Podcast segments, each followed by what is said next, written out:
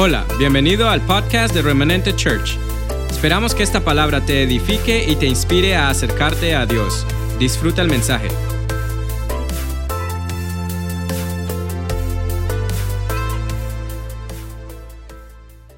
Hace dos semanas, si no estoy mal, no, la semana pasada, la semana pasada mi esposa compartió una palabra con el título de Y dijo Dios que era bueno, algo así.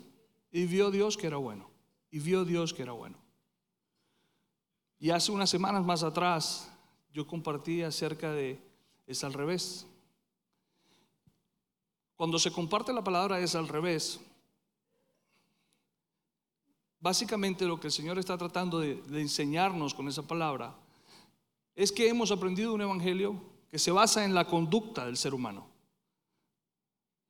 en cómo nos comportamos, en cómo hablamos, en cómo nos vestimos, y no en la transformación de su vida, de su corazón. Y a través de la palabra pudimos darnos cuenta que Jesús nos vino a enseñar que es completamente al revés a como se nos ha venido enseñando según la liturgia, la liturgia o la tradición o la cultura de iglesia. Pero cuando mi esposa comparte que y vio Dios que era bueno, entiendo que Dios nos quiere soñadores. Entiendo que Dios quiere que soñemos. Entiendo que Dios quiere... Entiendo por qué Dios me habló y me dijo que levantara mi cabeza hace un mes y medio atrás y mirar hacia adelante y me dijo, expande la visión. Y yo dije, Señor, expande la visión si no tengo tiempo casi, ¿cómo hago? Me dice, levanta la cabeza, estás mirando muy cerca. Estás mirando aquí muy cerca. Levanta la cabeza y pon la mirada enfrente. Y cuando mi esposa dice que el Señor le da esta palabra y vio Dios que era bueno y nos anima a soñar, entonces entendí y pude amarrar la importancia de ministrar a la casa un evangelio de transformación completamente al revés, al revés al que habíamos aprendido, con el deseo del Señor para soñar y para llegar donde Él quiere. Dios tiene planes contigo y conmigo. Diga, Dios tiene planes conmigo. Dios tiene planes conmigo. Dios tiene planes conmigo. Dios tiene planes con, con nosotros y los quiere cumplir. Y son planes serios. Es cosa seria lo que Dios quiere hacer. Lo que Dios quiere hacer en esta casa es impresionante. Lo que Dios quiere hacer en remanente en Colombia, en Ecuador, aquí en Manazas, es impresionante. Levanta tu cabeza y mira hacia el frente, expande tu visión, porque Dios tiene planes contigo. Amén.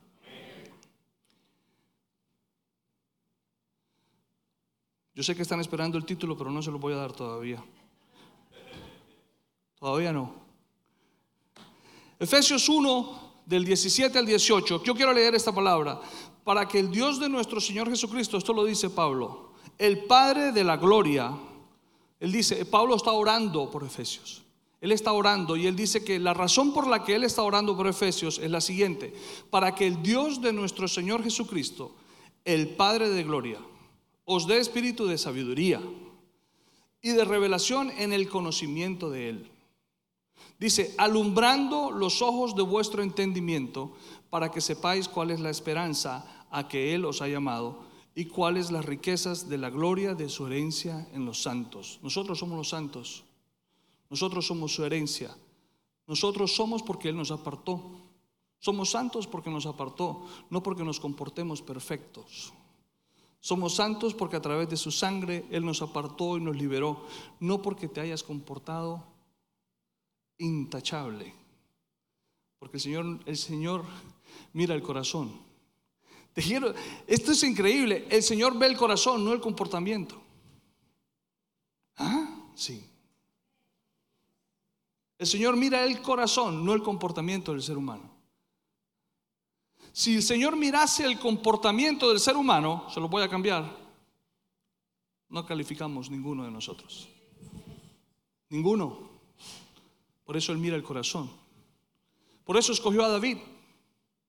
Porque mientras el sacerdote estaba escogiendo al alto, bonito, hermoso, fornido, musculoso, de buen porte, el Señor lo llama aparte y le dice, ¿tú por qué estás mirándolo de afuera si yo miro es el corazón? Ese no es. Y cuando llegó David, bajito, sucio, de popó de ovejas, el Señor dijo, ese es, ese es el rey. Porque el Señor miraba su corazón. Pero cuando me voy a Efesios, y entiendo que cuando el Señor dice que Él que Pablo dice que está orando para que Él alumbre los ojos de nuestro entendimiento. Entiendo que nuestros ojos están en oscuridad. ¿Usted quiere saber cuándo sus ojos están en oscuridad? Es sencillo, cierre sus ojos. Está oscuro. Los ojos están cerrados. No están viendo. Entonces, Él dice que Él ora para que el Señor abra nuestros ojos para que el Señor ilumine nuestros ojos, para que nuestros ojos puedan abrirse. No los puedo abrir más porque se me salen, son muy grandes, pero para que el Señor abra nuestros ojos. Eso es lo que Pablo, Pablo quiere, quiere que el Señor abra nuestros ojos de nuestro entendimiento, para que podamos, para que sepamos cuál es la esperanza a la que Él nos ha llamado. Él quiere pasar nuestros ojos de oscuridad a luz de oscuridad a una claridad. Él quiere que veamos mejor. Él quiere que cuando levantemos nuestra mirada y tratemos de expander nuestra visión, lo veamos de una manera clara. No lo veamos en tinieblas, no lo veamos, eh, eh, eh, sí, en, la, en la neblina que se ve en las madrugadas algunas veces. Él quiere que lo veamos claro. Porque hay una esperanza para nosotros que fue atacada que ha sido atacada, que ha sido golpeada, en todos, en cada uno de nosotros, no nos escapamos ninguno de nosotros. ¿Para qué? Para que entonces podamos comprender y así entender y así mismo saber con certeza, con seguridad. Cuando vamos a la palabra esperanza, ¿cuántos han escuchado esa frase que dice, la esperanza es lo último que se pierde? Yo creo que todos la hemos dicho. Sobre todo los narradores de fútbol colombiano cuando está jugando el Tolima, ¿verdad, Monchito? Dice, la esperanza es lo último que se pierde, faltan tres minutos más los que van a adicionar, son seis minutos, siete minutos, no perdamos la esperanza. Pero en el fondo, cuando uno dice esa frase, uno no está creyendo en eso. Uno no. Cuando uno utiliza la palabra esperanza en el vocabulario, verdaderamente no estamos creyendo. Es nula esa tal esperanza de la cual estamos anhelando. Creemos. La esperanza es lo último que se pierde, como quien dice, por si acaso, de pronto, quizás, quizás de planchazo entramos, de pronto empatamos, Pero a mí la palabra me enseña otra cosa. Por eso es que yo digo que es al revés. A mí la palabra me enseña otra cosa. Este mismo, estos dos mismos versículos, esta misma cita bíblica, Efesios 1 del 17 al 18, me dice en la nueva traducción viviente, y le pido a Dios, Pablo otra vez, el glorioso Padre de nuestro Señor Jesucristo, que les dé sabiduría espiritual y percepción para que crezcan en el conocimiento de Dios. Pido que les inunde de luz el corazón una vez más, que se nos abran esos ojos, que veamos claro, que no hayan tinieblas, que estemos seguros, para que puedan entender la esperanza segura que Él ha dado a los que llamó, es decir, a su pueblo santo, a nosotros. Tenemos una esperanza segura. Es segura. Es segura. Jesús es seguro. Jesús no falla. Jesús no pierde. Jesús nunca perdió. Jesús no ha perdido. Y es nuestra esperanza segura. Yo quiero que entendamos que es lo primero que Dios quiere enseñarnos en el día de hoy. Quiere que abramos los ojos de nuestro entendimiento. Quiero que levantemos nuestra cabeza y miremos hacia adelante. Que nuestra visión sea expandida y que sepamos que lo hacemos bajo la convicción de Jesús. La esperanza segura para nuestras vidas. Eso es lo primero que quiero que entendamos en esta mañana. Y todavía no he empezado a predicar. En Jesús tenemos la esperanza segura. En Jesús vale la pena levantar la cabeza. En Jesús no van a haber tinieblas. En Jesús no hay oscuridad. En Jesús no hay inseguridad.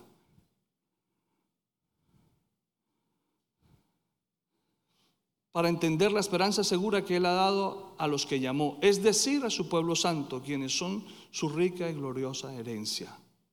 Dios quiere que abramos nuestros ojos. Él quiere que en este día entendamos que Él es nuestra esperanza segura.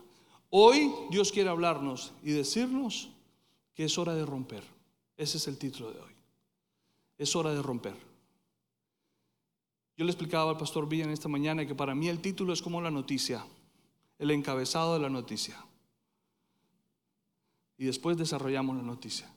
Pero la noticia de hoy, las buenas nuevas, el Evangelio en el día de hoy, lo que está en el corazón del Señor para esta casa, en el día de hoy y para todos los que están conectados, es que para tu vida y para mi vida es hora de romper. Amén. ¿Cuántos están dispuestos? Amén. Ok.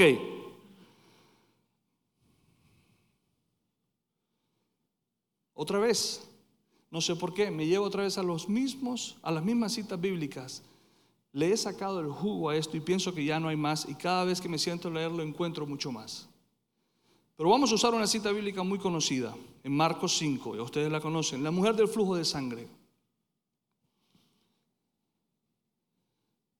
Vamos a sacar de esta cita bíblica tesoros para nuestra vida a través del rompimiento que el Señor quiere hacer con nosotros. Dios quiere que rompamos en esta mañana. Es hora de romper. En esta mañana hay tesoros para nosotros que solamente pueden ser descubiertos si estamos dispuestos a romper. Ojo, hay tesoros escondidos para nosotros solamente para aquellos que están dispuestos a romper. A los que no les da miedo el taco de dinamita para que explote. Es raro. ¿Estás dispuesto a romper? A los que no les da miedo romper el piso, romper el suelo, romper con la cueva. Necesitamos romper. Necesitamos romper para poder soñar. Necesitamos romper para poder levantar la cabeza. Necesitamos romper aquí para entender que es al revés. Necesitamos romper para poder llegar a esos tesoros que Dios tiene escondidos y apartados para nosotros. Pero Él necesita que nosotros estemos dispuestos a romper. Miren, la muerte de Jesús en la cruz no es solamente para tener vida eterna, es para romper. La muerte de Jesús en la cruz no es solamente para asegurarnos que cuando yo me muera, entonces yo me voy para el cielo y yo voy a vivir eternamente. Y mientras estamos aquí, ¿qué? Si a mí Génesis me dice que yo me tenía que enseñorear de este lugar, de los animales y de todo lo creado. Si cuando el Señor, miren, los que no vinieron a la reunión de parejas, oh, los que no vinieron, pregunten a los que vinieron. Unas encontraron su gallo y otras no. Pero en Génesis dice la palabra que el Señor creó al hombre y creó a la mujer. Y vio Dios que era bueno. Y entendemos que Dios creó al hombre y creó a la mujer. Y me ha enseñado mi esposa que el Señor creó una relación. Una relación. Cuando dijo, y vio Dios que era bueno, creó una relación. Y esa relación, parejas, estés casado o no estés casado, la convicción de la necesidad de cumplir con ese principio te la dará el Espíritu Santo de Dios. El Señor va a redarguir. Él sabe hacerlo muy bien. Te sabe quitar el sueño.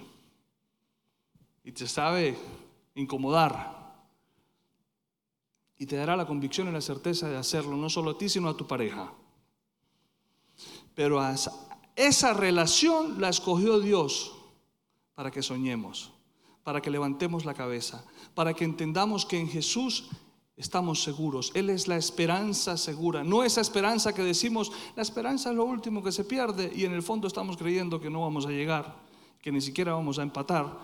En Jesús es todo lo contrario, en Jesús es seguro. Jesús es seguro. Esa relación la escogió Dios para soñar. Pero juntos, como pareja, necesitamos romper. Necesitamos romper. Necesitamos romper con el dolor. Necesitamos romper con la traición, con la decepción, con esa falta de perdón. Necesitamos romper con el silencio en las parejas cuando llega la noche. Mi esposa hablaba de eso. Hay parejas que en Instagram todo está muy bien. Hay parejas que en la iglesia todo está muy bien. Hay parejas que mientras los hijos están presentes todo está muy bien. Pero cuando llega la noche y se apaga la luz y llegó la hora de dormir, hay un silencio donde no se encuentran las palabras ni la valentía para hablar. Pero necesitamos romper con eso, porque hay tesoros escondidos de Dios en esa relación que el enemigo los ha tapado con una tapa y con, una, con otra capa y con suelo y con subsuelo y con roca. Pero en esta mañana el Señor quiere romper. Esta mañana el Señor necesita romper. Esta mañana el Señor quiere que tú quieras con Él y te pongas de acuerdo con Él porque vamos a romper en esta mañana. Hay mujeres que manejan situaciones con su pareja que no las pueden ni pensar porque lloran, porque se quebrantan, porque creen que hay virtud en el sufrir en silencio.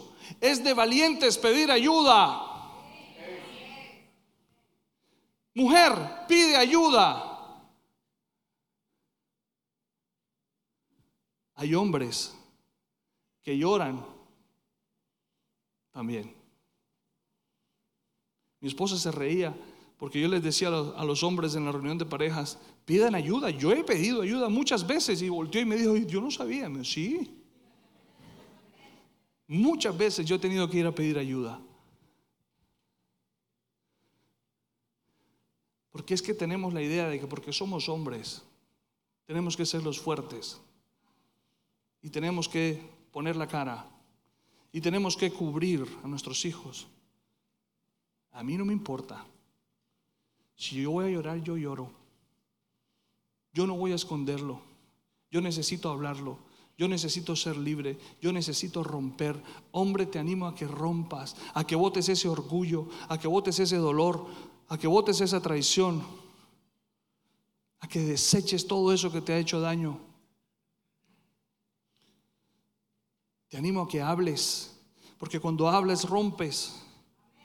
Necesitamos romper con la soledad, con la incertidumbre, con la mentira, con la baja autoestima, con la envidia, con el chisme, con la lucha con ese pecado, con el rechazo. Necesitamos romper con ese rechazo. El rechazo se volvió una capa más gruesa que esto y no nos deja llegar allá abajo donde está el tesoro que Dios tiene para nosotros. El rechazo se llena de orgullo y de razones y de motivos para justificar tu molestia, tu dolor, tu dolor, imagínate. Mira cómo hablamos.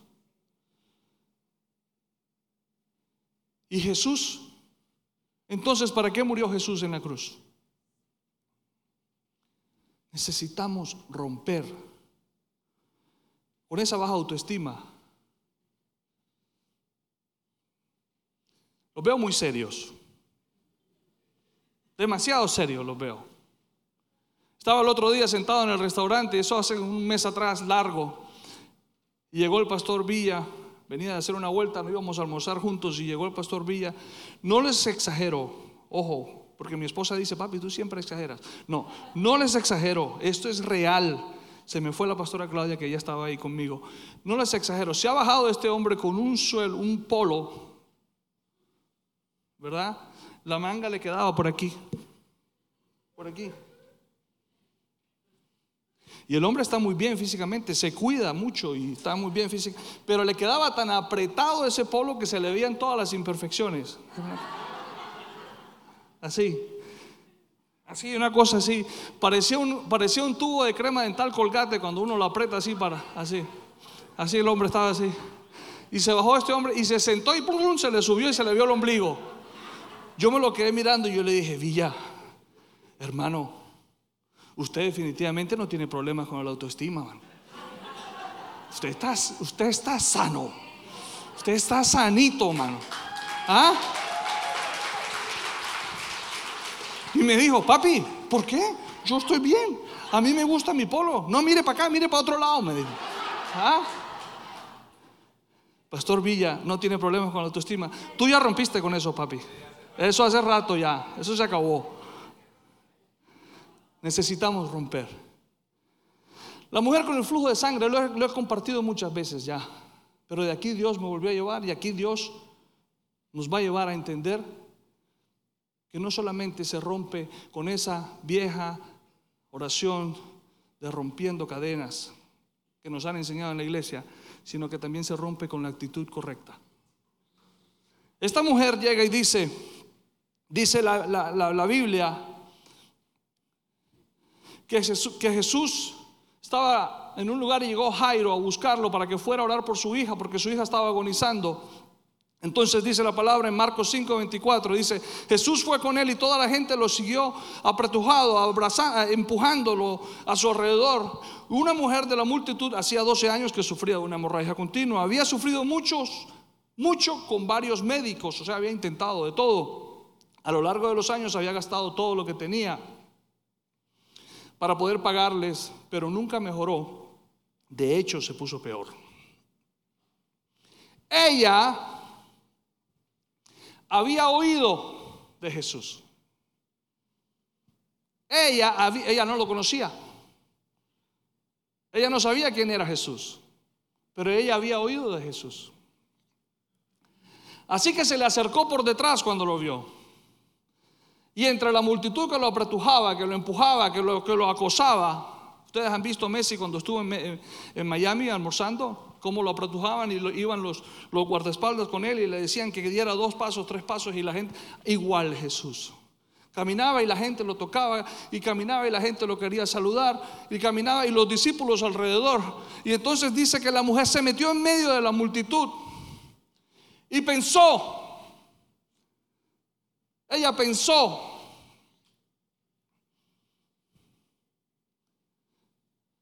ella pensó al revés porque la tradición decía que todo lo que ella tocase era impuro, era maldito. Y por 12 años ella estaba convencida de eso. La tradición enseñaba que no podía cocinar, no podía tocar a sus hijos si era casada, no podía, porque todo lo que tocase era considerado impuro. Todo era impuro, porque tenía esa maldición sobre su vida. Y la tradición enseñó eso por muchos años, pero ella pensó al revés. Ella lo volteó. Porque ella dijo, es hora de romper con esta maldición. Para romper necesitamos empezar a pensar diferente. Y ella dijo, ella pensó, si tan solo tocara su túnica, quedaré sana. Yo me imagino que mientras ella iba entre la gente, ella iba pensando y diciendo, si yo le llego a tocar, es que si lo alcanzo a tocar, si me permiten tocar, yo no sé a cuánta gente ella empujó, yo no sé a cuánta gente ella pisó, yo no sé cuánta gente la empujó a ella, yo no sé cuánta gente ella la, la pisó también, mucho más sabiendo quién era ella, porque por 12 años, con un flujo de sangre, tú sabías quién era ella, pero a ella no le importó. Porque ella pensó diferente. Porque ella pensó al revés a la tradición. Porque ella pensó y mientras ella empujaba a la gente y caminaba, se decía a sí mismo, si tan solo lo toco. Ojo, no lo conocía, había oído de él.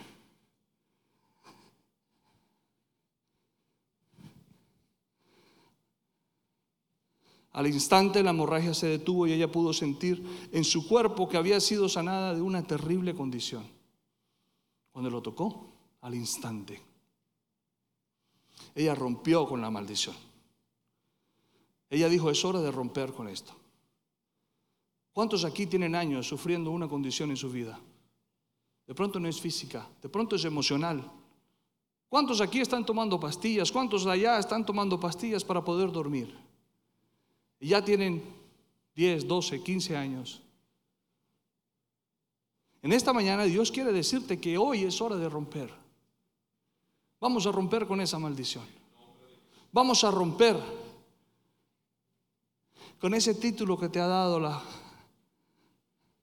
Vamos a romper con ese título que te ha dado la sociedad de chismosa, de mentiroso, de tramposo, de chismoso también, porque hay hombres más chismosos que las mujeres. Los conozco. Es más, se llama, no mentira, no voy a decir el nombre. Pero los conozco también. Es hora de romper con ese título que la sociedad te ha dado.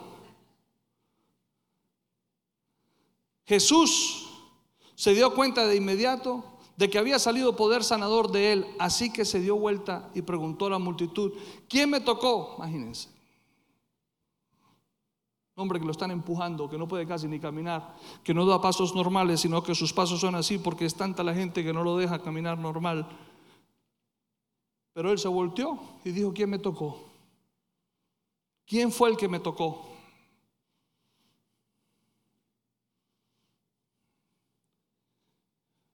Jesús quisiera preguntar en esta mañana, ¿quién me tocó? ¿Quién se atreve a tocar a Jesús en esta mañana? Tú sabes que esa mujer lo arriesgó todo. Primero no tenía un solo peso, pero ella sabía que en el momento en el que ella lo tocase a él, en medio de la multitud era la estrategia perfecta, porque ella dijo, en medio de la gente, yo lo toco, él no va a saber quién fue, porque hay mucha gente. Porque como todo lo que yo toco es impuro, entonces no me van a encontrar. Pero no importa porque yo voy a sanar. O sea, esa era la estrategia perfecta para ella. Claro, lo toca, ella queda completamente sana. Y cuando Jesús frena su caminada, da la vuelta y pregunta, ¿quién me tocó? Ella dijo, me pillaron. Me encontraron. Me van a castigar que la tradición castigaba. Si no, pregúntale a los teólogos. Porque sabe, porque yo no estoy supuesta a hacer esto. Silencio total. Los discípulos, maestro, por favor, ¿quién me tocó? De pronto fui yo. Si estoy aquí, que no te empujen. Y el Señor dice,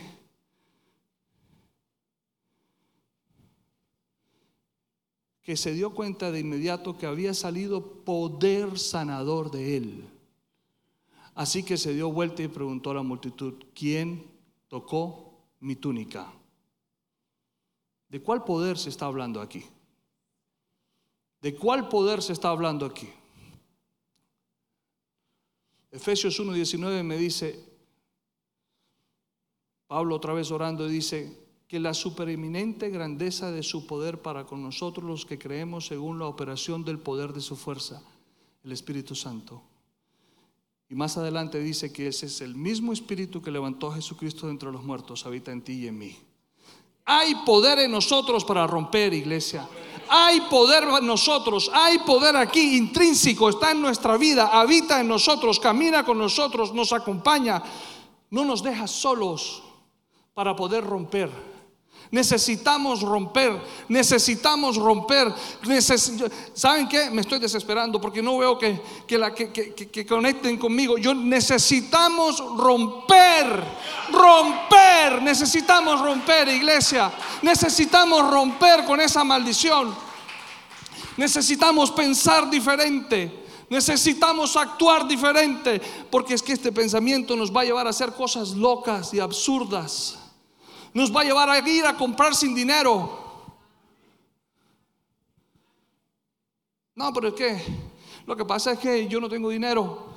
Levanta la cabeza, abre los ojos, que la luz del Espíritu Santo te ilumine el camino, que se despeje la niebla, que se despejen las tinieblas, que, que los ojos de nuestro entendimiento puedan ver y comprender que Dios vio que era bueno, que es bueno soñar, que Dios quiere que soñemos, que es el momento para emprender, es el momento para romper, es el momento para cambiar la historia, es el momento que Dios escogió para que rompas junto con Él. Hay cosas que yo no voy a poder romper, Señor. Hay cosas que he tratado de romper y no he podido. Pero es que el Señor te dice que es el Espíritu Santo que habita en ti el que va a romper contigo.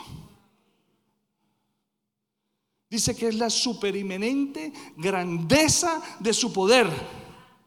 El que levantó a Jesús dentro de los muertos habita en ti y en mí. Oh.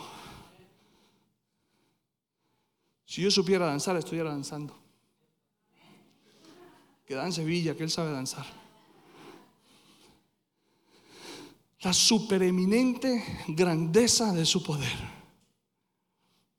De ese poder fue del que Jesús dijo, salió de mí. Ese poder fue del que Jesús dijo, poder salió de mí cuando alguien tocó mi túnica. Y ese mismo poder es que el Señor quiere que salga de su túnica en esta mañana para tu vida, para mi vida. Es hora de romper. Jonathan, Dios te escogió para romper, hijo. Dios te escogió para romper. Y es bueno planear, es bueno planificar, es bueno organizarse, pero no lo vas a hacer tú solo, lo vas a hacer de la mano del Señor y vas a romper con Él. Dios te escogió para romper, hijo. Jeremiel, muchacho joven, lindo, hermoso, Dios te escogió para romper. Estás en esta nación porque Dios te escogió para romper. Eres un líder silencioso que Dios va a llevar a romper. Vas a romper con todo aquello que tú has visto en tu familia y que en silencio has guardado, con lo cual no estás de acuerdo, pero Dios te escogió para romper con eso. Dios te escogió. Eres un santo del Señor, eres apartado de Dios. Y Dios te escogió para romper.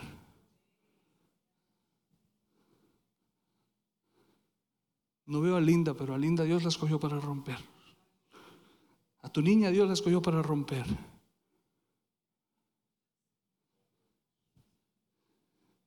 No me recuerdo tu nombre. Sí, Dios te escogió para romper.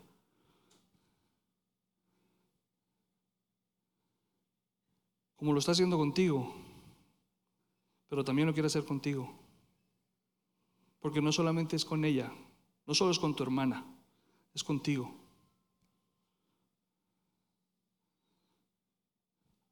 Has roto de la mano de Dios, pero falta mucho por romper. Hay muchos más tesoros que tú sabes que están ahí en el corazón de ese hombre que Dios te dio y que no sabes a veces cómo mostrárselos, cómo enseñárselos, cómo decírselos. Pero Dios te escogió para romper. Eres tú quien va a romper de la mano de Dios. Dios te escogió para romper. Hay gente mayor aquí que cree que ya se le fue el tiempo, como se me está yendo a mí en la prédica. Pero Dios te escogió para romper. No importa la edad. No importa lo que hayas vivido, no importa en lo que te hayas equivocado, no importa en lo que hayas acertado. Porque a veces se aciertan en cosas y nos ocupamos de tal manera en aquello que acertamos que creemos que ya hemos llegado. Y resulta que Dios todavía nos ha escogido para romper y necesitamos seguir rompiendo porque no se trata de tu vida, sino de las generaciones venideras. Ruth, El libro de Ruth tiene cuatro capítulos, léaselo, estúdieselo, compártalo con su esposa, con sus hijos.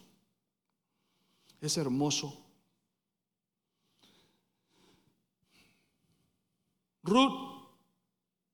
Se le muere su esposo. Y la suegra la despide, le dice que es bueno que se vaya y se case de nuevo, porque la tradición, otra vez, enseñaba que si su esposo moría, el hermano de ese esposo, su cuñado, la podía tomar. Pero resulta que esta mujer se queda sin hijos y Ruth no tiene quien la tome. Entonces la mujer le dice, mira, es mejor que te vayas, porque ya yo estoy en avanzada edad y ya yo no puedo tener más bebés. Y si aún así fuere, ¿me van ustedes a esperar a mí a que el bebé crezca para ustedes casarse con él? Mejor váyanse. Lloraron las dos nueras amargamente. Ruth 1.14 dice, entonces volvieron a llorar juntas. Y Orfa, que era la otra muchacha, la otra nuera de Noemí, se despidió de su suegra con un beso, pero Ruth se aferró con firmeza a Noemí. Hay algo aquí clave. Dios no quiere, ojo con esto, cuando el Señor te dice que levantes la cabeza y que mires hacia adelante, cuando Dios te dice que Él vio que era bueno soñar, es porque Él no quiere construir en tu vida basado en el pasado. Él quiere construir con tu vida basado en el hoy, en esta palabra que Dios te está dando en el presente, porque nos hemos dedicado y hemos pensado que necesitamos construir, pero no soltamos el pasado. Dios quiere romper con tu pasado, mujer. Dios quiere romper con tu pasado, pero tú necesitas romper con tu pasado. No podemos construir, no podemos caminar hacia adelante agarrados del pasado. Tú no puedes manejar un carro mirando el retrovisor que te muestra hacia atrás te vas a chocar. Es bueno mirarlo, por si acaso viene un policía, ¿verdad? Es bueno mirarlo, pero puestos los ojos en Jesús, el autor y el consumador de la fe. Puestos los ojos en Jesús, mi esperanza, tu esperanza segura. Vamos a romper. Es hora de romper. Dice que Ruth se aferró con firmeza a Noemí. Y dice, mira, le dijo Noemí, tu cuñada regresó a su pueblo y a sus dioses. Tú deberías hacer lo mismo, Ruth. Pero Ruth respondió, no me pidas que te deje y regrese a mi pueblo. A donde tú vayas, yo iré. Donde quiera que tú vivas, yo viviré. Tu pueblo será mi pueblo, tu Dios será mi Dios. Donde tú mueras, allí moriré y allí me enterrarán. Que el Señor me castigue severamente si permito que algo nos separe aparte de la muerte. Analicen todo, todo lo que utilizó Ruth, ese es el futuro. Todo lo que Ruth habló, todo lo que Ruth dijo, Ruth no dijo, no, yo no, yo me voy a quedar contigo porque imagínate, tú estás solita, yo no te quiero dejar solita. Tus hijos se murieron, yo voy a, imagínate, tú tienes que estar muy triste. Yo te voy a hacer la sopita de pollo. Yo te voy a cocinar. Y yo no te voy a dejar sola. Porque es que tú estás muy sola, ¿verdad? Porque tú estás muy triste, ¿verdad? Ella no dijo eso.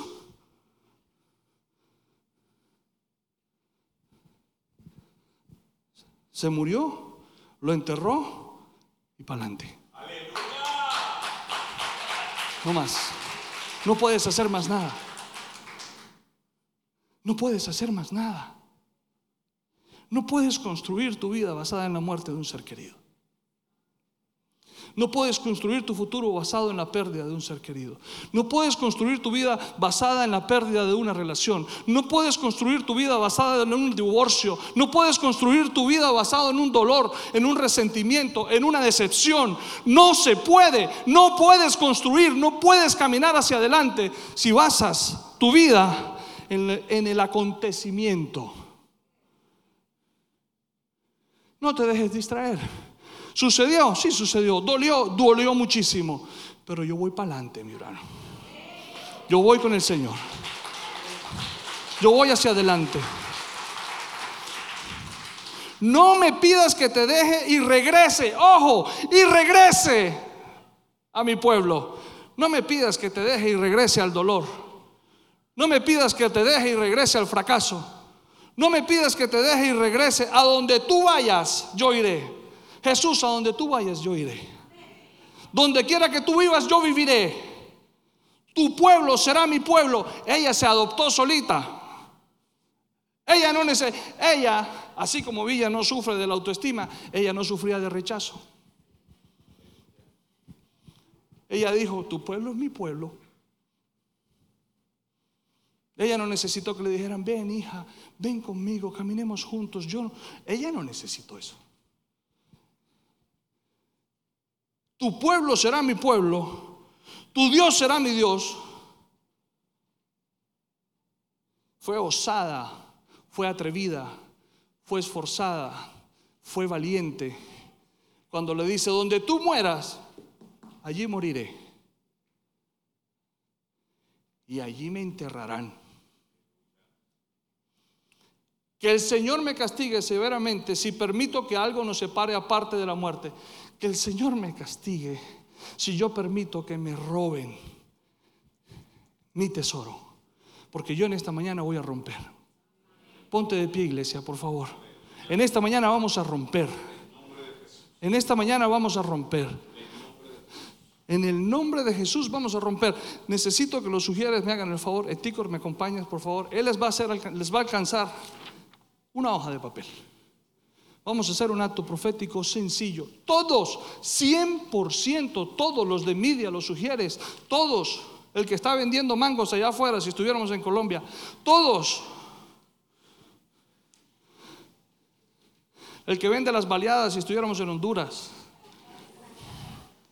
el que vende las pupusas si estuviéramos en El Salvador, el que vende las empanadas si estuviéramos en el eje cafetero, todos todos necesitamos tener una hoja de papel en esta hora.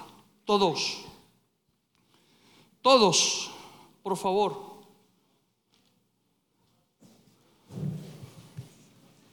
Dice la palabra en Ruth 1.18, mientras los sugieres reparten esto. Póngame mucha atención, por favor. Dice la palabra en Ruth 1.18. Haga de esta hoja lo que usted quiera. Haga un avión, Dóblela, téngala abierta, como usted quiera, pero no la suelte. No la suelte, téngala ahí en su mano.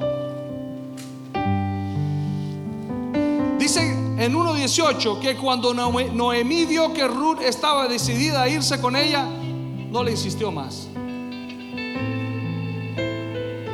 ¿Tú sabes qué dice la palabra? La palabra dice que resistamos al diablo y él huirá de nosotros.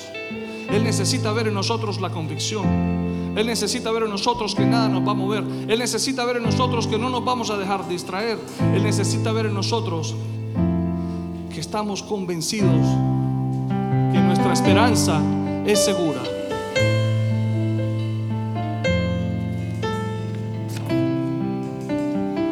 Una historia larga, más corta. Se casó Ruth con vos.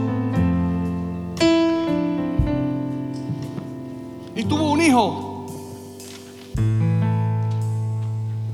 un hijo que se llamaba Obed. O sea que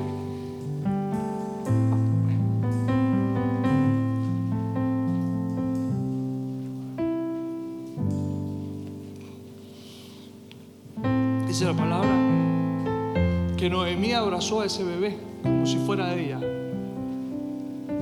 y lo apretaba a su pecho.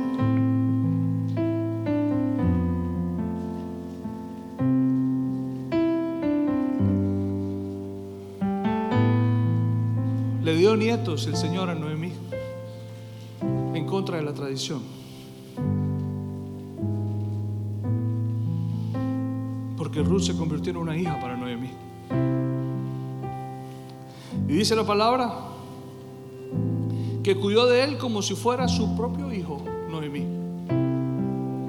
Y las vecinas, siempre hay vecinas.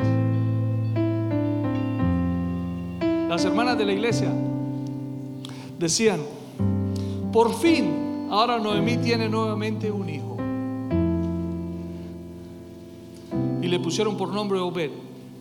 Él llegó a ser el padre de Isaí, abuelo de David.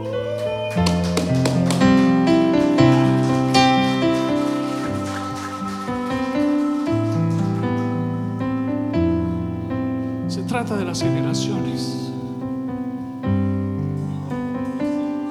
Necesitamos romper. Cuando Ruth le dice a Noemí, tu Dios será mi Dios, Ruth no sabía que ella iba a ser la bisabuela de David, del linaje que el Señor escogió para venir a la tierra. Por eso necesitas romper con el pasado. Necesitas romper con ese orgullo. Necesitas romper con esa soberbia. Necesitas romper con ese dolor. Necesitas romper con esa depresión. Necesitas romper con ese abuso. Necesitas romper con ese silencio con tu pareja. No te dé miedo hablar. Necesitamos romper. O sea que Ruth era la madre de Obed. Y Obed era el padre de Isaí. Y Isaí era el padre de David. Tres de la mañana, mami. Yo le leo esto a mi esposa. Entonces, ¿qué es Ruth de David? Me dice la bisabuela. O sea que es de generación en generación. Necesitamos romper para liberar la generación. Los tesoros que están ahí escondidos para nuestros hijos, para nuestros nietos. Necesitamos romper en esta mañana en el nombre de Jesús para poder ser libres y liberar ese tesoro que Dios tiene para nosotros. Porque quizás será la bisabuela del próximo presidente de este país. ¿Y quién dice que no? ¿Y quién dice que no?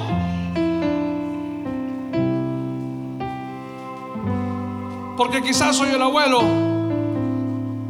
del empresario mayormente conocido en el mundo en los próximos 20 años. ¿Y quién dice que no? ¿Te has puesto a pensar la importancia de romper? ¿Te has puesto a pensar por qué es necesario romper? Es más, es urgente romper. Necesitamos romper en esta mañana. Cierra tus ojos ahí donde estás. Toma esta hoja de papel. Yo voy a orar por ti. Después de que yo ore por ti, voy a contar hasta tres. Y vamos a romper esta hoja. Ahí donde estás, cierra tus ojos. Padre, en el nombre de Jesús, yo te doy gracias por tu palabra. Yo te doy gracias porque en esta mañana has alumbrado los ojos de nuestro entendimiento. Gracias Señor porque en esta mañana has provocado un despertar en mi vida. Gracias Señor porque en esta mañana has despejado toda tiniebla, toda oscuridad, toda nube, toda confusión. Yo te doy gracias Señor y te pido que tú reveles a mi familia que está aquí presente y la que está ya conectada. Si estás en casa, toma una hoja de papel. Si estás en casa, toma una hoja de papel. A mi familia que está aquí presente y mi familia que está ya conectada. Yo te pido, Padre, que tú le reveles aquello con lo, de lo cual necesita romper en tu nombre, Señor.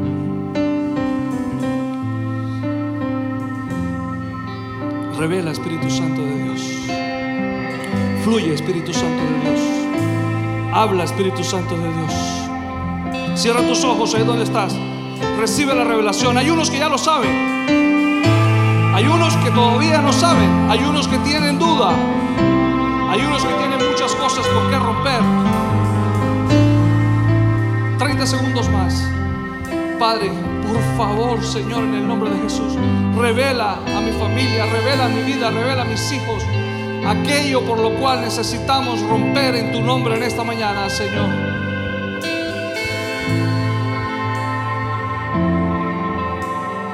Gracias, Señor.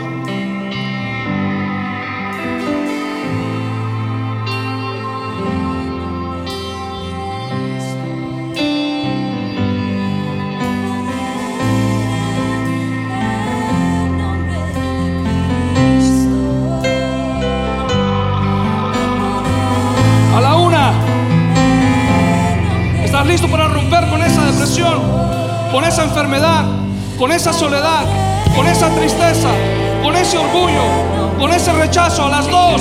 ¿Estás listo para romper con ese cáncer? ¿Estás listo para romper con esa bancarrota?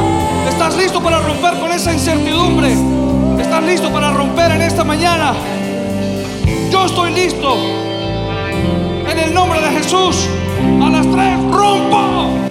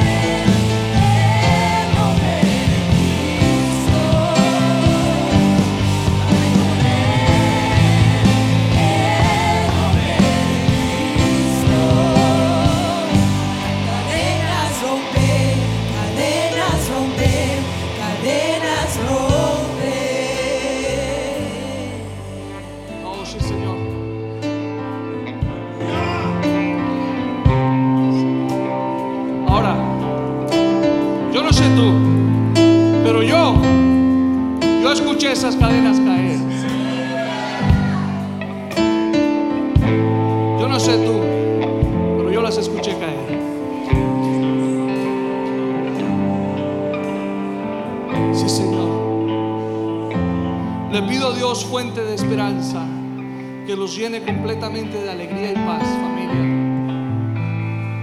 Porque confían en Él, necesitamos confiar.